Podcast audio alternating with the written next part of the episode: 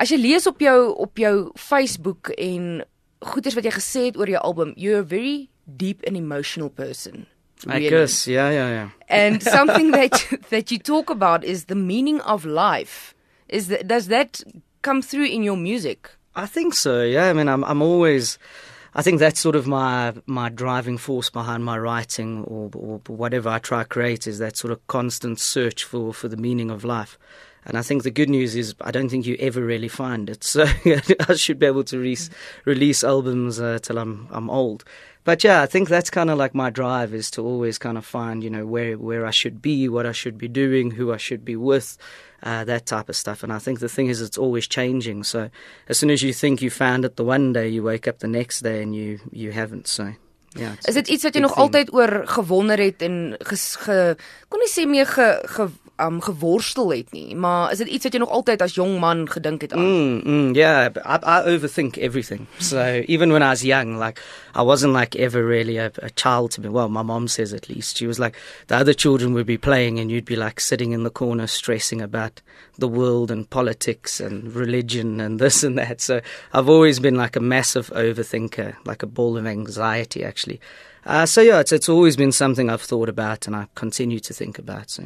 So ja, musiek is dan 'n tipe van 'n terapie, 'n manier om vir jou dit om dit uit te kry. Mm, absolutely. Yeah, yeah, I I started singing when I was about probably about 13 um, and that definitely sort of changed my life for the better.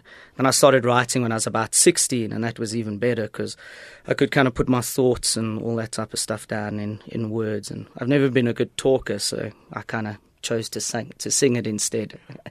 Jy val deel van die groep wat ons noem millennials. Yes, ja ja ja. En um dis iets waar ek baie opgelees het onlangs en is interessant dat dis die eerste keer dat ek 'n kunstenaar regtig uh, ontmoet wat half met daai selfe goeters worstel wat wat ek ook byvoorbeeld ervaar en ek het iewers gelees dat jy geskryf het van dit is 'n midlife crisis maar net 20 jaar te vroeg. ja ja ja. Verduidelik vir my daai konsep, verduidelik vir my waar dit gaan as 'n musikant. Yeah, you know what? I think it's it's about sort of you, you know thinking that you're going to be somewhere in life when you you just left school. I mean, everyone thinks they're going to get to like 30 and they're going to be millionaires driving fancy cars or whatever. And then you kind of like end up probably peaking too early. And then you do hit kind of like 30 and you, you look back going, geez, I haven't done this and I wasted my time doing that and I should be here and there. And I think that kind of, a few years ago at least, sort of led to my, my quarter life crisis, as I called it. You know, the, yeah. it's like the midlife crisis 20 years too early. So who knows what the, the real midlife crisis mm. is going to be like for me. It's going to be that times two. So jy jy sê jy's jy's 'n baie um op jou senuwees man. Jy jy dink baie oor goeie, maar tog is jy baie impulsief. You're very impulsive. I am, yeah, yeah, yeah. I've, uh, I, you know, I've, I've done some pretty crazy things. I can't really mention on air, I'm sure. but, uh, but I, I, am, yeah, yeah, yeah. I, I think it's, uh, you know, like I, I, I try and make sort of like calculated decisions with, with things. I'm, I'm sort of like there's no middle ground with me. I either sort of overthink everything and take my, my, my time, like I did with the new album, or I literally just dive straight in. Mm. So there's no sort of middle ground, which is something I'm sort of working on as a person to Ja. to get there. Kom ons gesels 'n bietjie oor die musiek. Jy praat nou van jou splinternuwe album. Dit is nou omtrent 4 jaar nadat jy jou EP vrygestel het. 4 jaar is 'n lang tyd. Vertel ons van hierdie nuwe album, Roadhouse Royalty. Jy's van die Oosrand het jy gesê is, en en is. dit is daar's baie van hierdie ek gaan net nou 'n tipe restaurant noem ek weet kan nou nie dink wat die Afrikaanse naam is vir 'n roadhouse vir 'n roadhouse. Is daar 'n Afrikaanse woord? Daar's altyd 'n Afrikaanse woord. 'n Patais. 'n Patais, ja. Direct ja. translation. ja. Vertel ons van die naam Roadhouse Royalty. Uh, you know, it, it came to me sort of uh, where I'm from, Edenvale. We're sort of known for having a lot of roadhouses. There's like Van Riebeeck Road will have like six of them or whatever, and there's probably about ten in in in Edenvale. Uh, so me and my friends always used to joke around, going like, you know, we Roadhouse royalty, we're like the king of the commoners kind of thing. Not that people from Edenvale are, are commoners, because I've lived there most of my life, but uh, it's it's kind of like it's it's. I'm, I'm fascinated with like the the average middle class sort of person, you know, and I think growing up in the East Rand, that's sort of where it comes from. And and I think th- those are the people that you always find at roadhouses or whatever. And they, they tend to be the least sort of uh, pretentious uh, and the most loyal and uh, and often like the hardest working people who keep the economy and, and if not the world running. And they're probably the people who get the, the, the least amount of recognition or reward. So that's always something that's fascinated me um, and I suppose Roadhouse royalty is about being like the the king of what you have you know. So it's waking up in the morning and accepting and, and, and being content with, with where you are and what you have and, and, and understanding that, you know, just because it's a roadhouse doesn't necessarily mean you, you can't be the king or, or royalty of that roadhouse. Mm. So. Gaan jy vir ons 'n liedjie speel vanaf hierdie nuwe album? Ek kan, ek kan, ja, ja. Wat gaan jy vir ons speel? I'm going to play a song called Fool for You. So this will probably be my second single, so I thought I'd give it a go.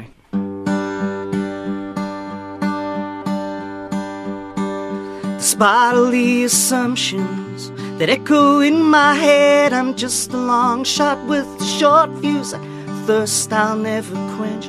Oh, I wish I could be taller and look down on this world, but I'm just five foot six and full of it. So before it starts to show, can I say good night, sweet darling? You've been so perfect from the start.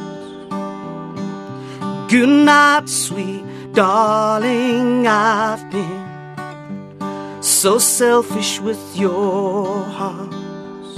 And I've been a fool for so long.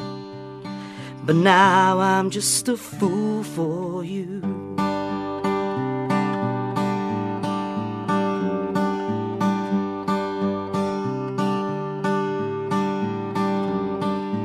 Caught up in a conflict, and every day's a fight. I've got to come to terms with tyrants and appreciate this life.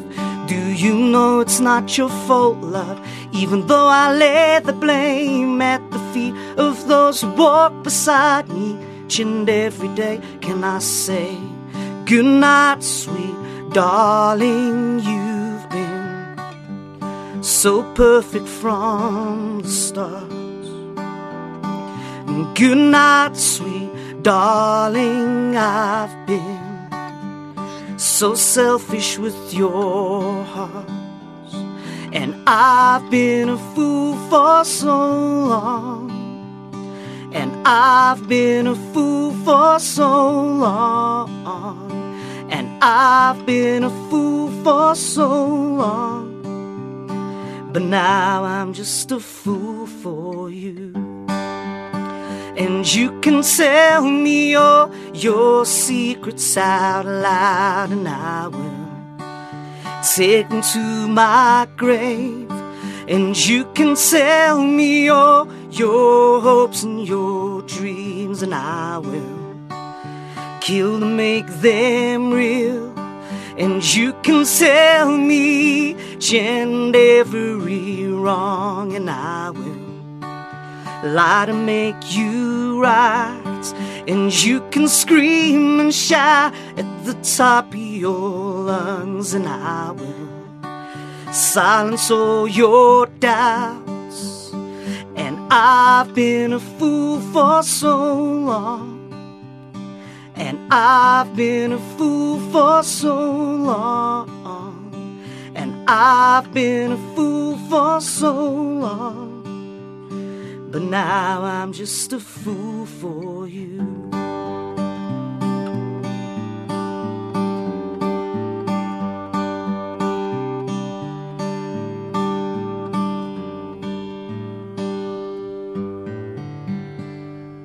Voordat ons begin gesels het, voor ons met die onderhoud begin het, het ons gesels oor jy het Engeland toe gegaan, maar jy het net Engeland toe gegaan vir 'n paar jaar, wel jy het geïmmigreer eintlik. Ek het, yeah, yeah. I went there with the all sort of intents and purposes of living there forever. Um, and I was there for probably about three years. And I woke up one morning and I was like, I just can't anymore.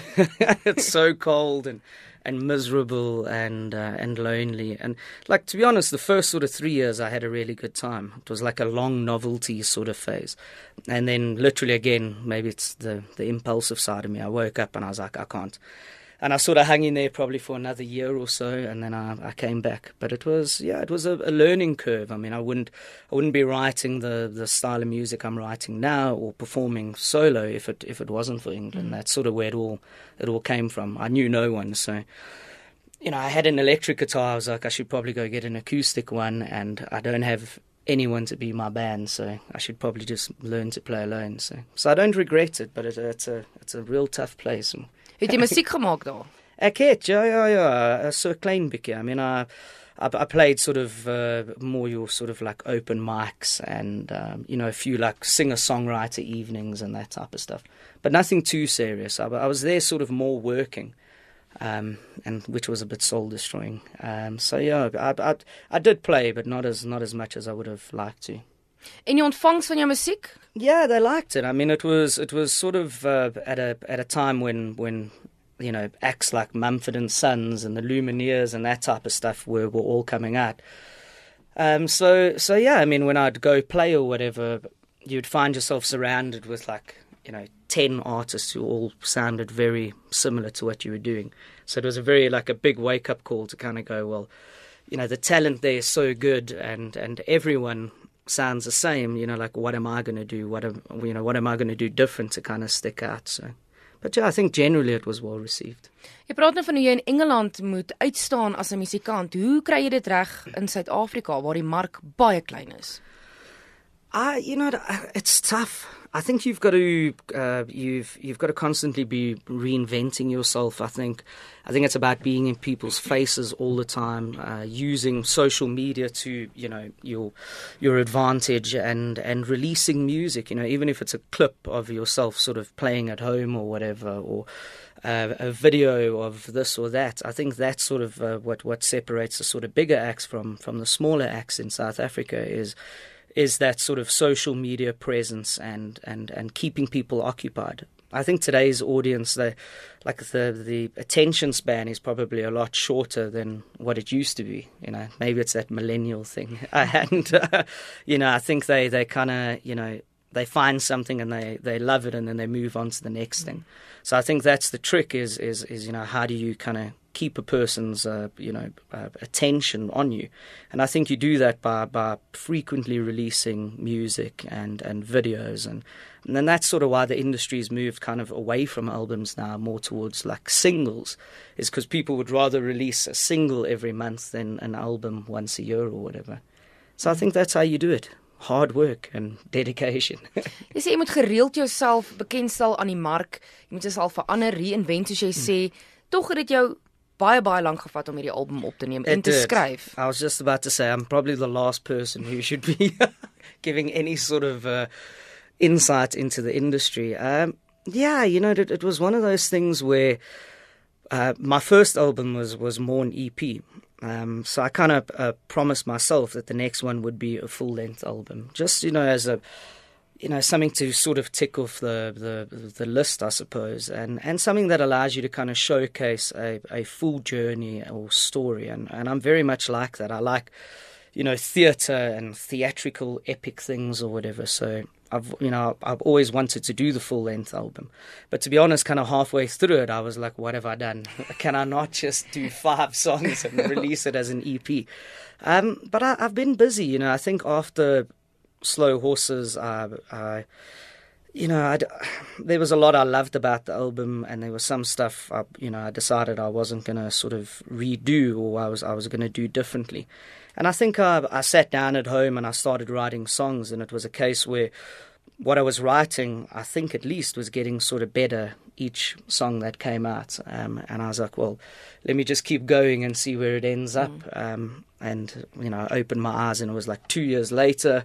And then we started pre producing, which took about a year. And then we, we recorded and, and mixed and mastered, which took just under a year. But I mean, in between, I've been playing shows and, and doing session work for other sort of artists within the industry, mm. which keeps me pretty busy um, and on my toes. Uh, so yeah, I've I've been busy, but it's it's been a long time. It, I, it should have been earlier. So mm. I promise the next one will be early next year. I plan on doing a, a little uh, sort of like a, a country EP, wow. so like straight up sort of country music. So um, I've already started working on that now. So so hopefully that'll be early next year.